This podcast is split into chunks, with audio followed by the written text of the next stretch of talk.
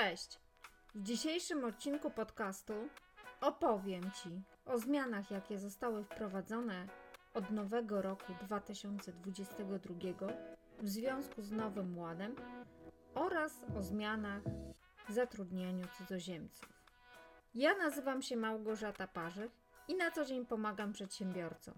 Pomagam przejść im drogę przez mękę z urzędami Zdejmuję z ich barków ciężar kontroli Państwowej Inspekcji Pracy, Zakładu Ubezpieczeń Społecznych i Straży Granicznej. Dobieram odpowiednie formy zatrudnienia. Jestem dla nich drogowskazem. O zmianach, jakie przynosi nam Nowy Ład oraz zatrudnianie cudzoziemców, dowiesz się słuchając dzisiejszego nagrania, dlatego słuchaj uważnie, bo być może właśnie Tobie się to przyda. Nowy Ład został podpisany przez prezydenta 15 listopada 2021 roku. Wchodzi on w życie z dniem 1 stycznia. Działy kadr i płac mają pełne ręce roboty. Co zatem zmienia Nowy Ład dla zwykłego Kowalskiego od 2022 roku? Mamy nową kwotę wolną od podatków. Wyniesie ona 30 tysięcy złotych co oznacza, że jeżeli Kowalski będzie zarabiał miesięcznie w okolicach 3200 zł brutto, nie zapłaci podatku dochodowego w ogóle. Ulga podatkowa pomniejszająca miesięcznie kwotę podatku będzie wynosiła od tej pory 425 zł. Do tej pory ulga ta wynosiła 43 zł i 76 groszy. Wyższa kwota wolna od podatku spowoduje wzrost miesięcznego wynagrodzenia na rękę. Ale żeby nie było tak pięknie, jak to wygląda na cyfrach, niemożliwe będzie korzystanie z wielu ulg w zeznaniu rocznym. Po prostu nie będzie kwoty podatku, z którego ulgę można było tej, do tej pory odpisać. Za wyjątkiem ulgi prorodzinnej, ponieważ tutaj ustawodawca w przypadku braku podatku pozwala nam skorzystać z ulgi na dzieci, odliczając zapłacone składki ZUS. Brak możliwości odliczenia od podatku zapłaty składki zdrowotnej. Po zmianach w 2022 nie będzie możliwe w ogóle pomniejszenie zaliczki podatku dochodowego o zapłaconą składkę zdrowotną. Dla zwykłego Kowalskiego zarabiającego w okolicach 3200 zł brutto, zmiana ta nie będzie miała żadnego znaczenia, ponieważ podatku do zapłaty nie będzie. Zmienia się nam też próg podatkowy. Od 2022 roku będzie obowiązywał drugi próg podatkowy od kwoty 120 tysięcy złotych. Od tej kwoty będzie podatek dochodowy wynosił 32%. Ustawodawca, zabierając możliwość odliczenia składki zdrowotnej od podatku dochodowego, wprowadził ulgę dla tzw. Tak klasy średniej, która ma rekompensować negatywne skutki tej zmiany. Osoby zatrudnione na umowę o pracę, które zarabiają w przedziale rocznym od 68 412 zł do 133 692 zł, złotych rocznie nie odczują skutków związanych z brakiem możliwości odliczenia składki zdrowotnej. Ta rekompensata oprócz pracowników obejmie również przedsiębiorców rozliczających się według skali podatkowej.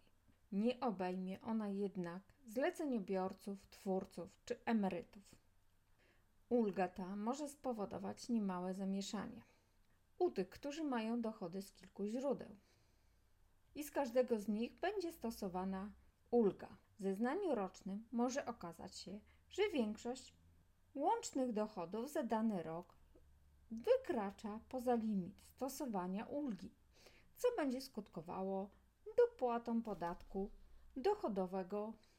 Działy kadr i płac naliczające wynagrodzenia mają obowiązek stosowania tej ulgi z automatu jeżeli miesięczny dochód wyniesie między 5701 zł a 11141 zł.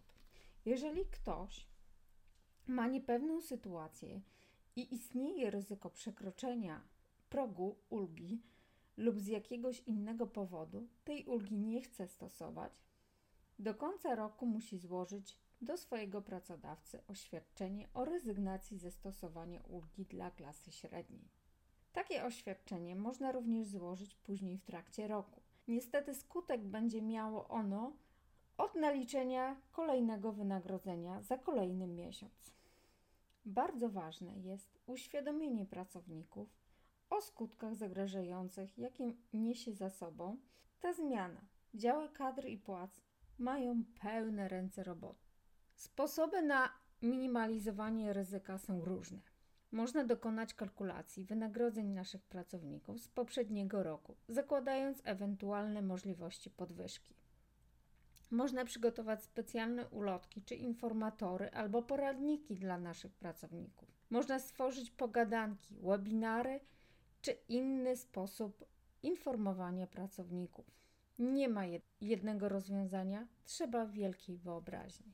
Trzeba jednak zwrócić uwagę na to, że do kwoty przychodu wchodzą świadczenia pozapłacowe, np. ryczałty za użytkowanie samochodu, bony, benefity sportowe czy pakiety medyczne. Dlatego uważam, że ważne jest, aby edukować naszych pracowników na tym etapie, a w przyszłości będziemy mieć mniej kłopotów. Warto również zwrócić uwagę na konieczność weryfikacji PIT-u 2. W 2022 roku kwota wolna od podatku to 30 tysięcy złotych, co powoduje, że kwota ulgi wyniesie 5100 zł.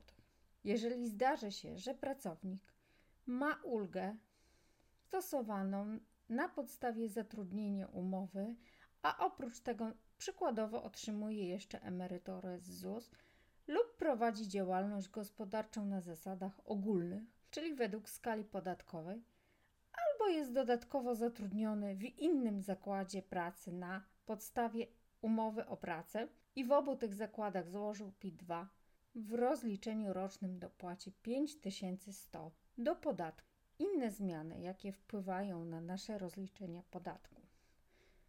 Jest to likwidacja wspólnego rozliczenia się z dzieckiem przez samotnego rodzica.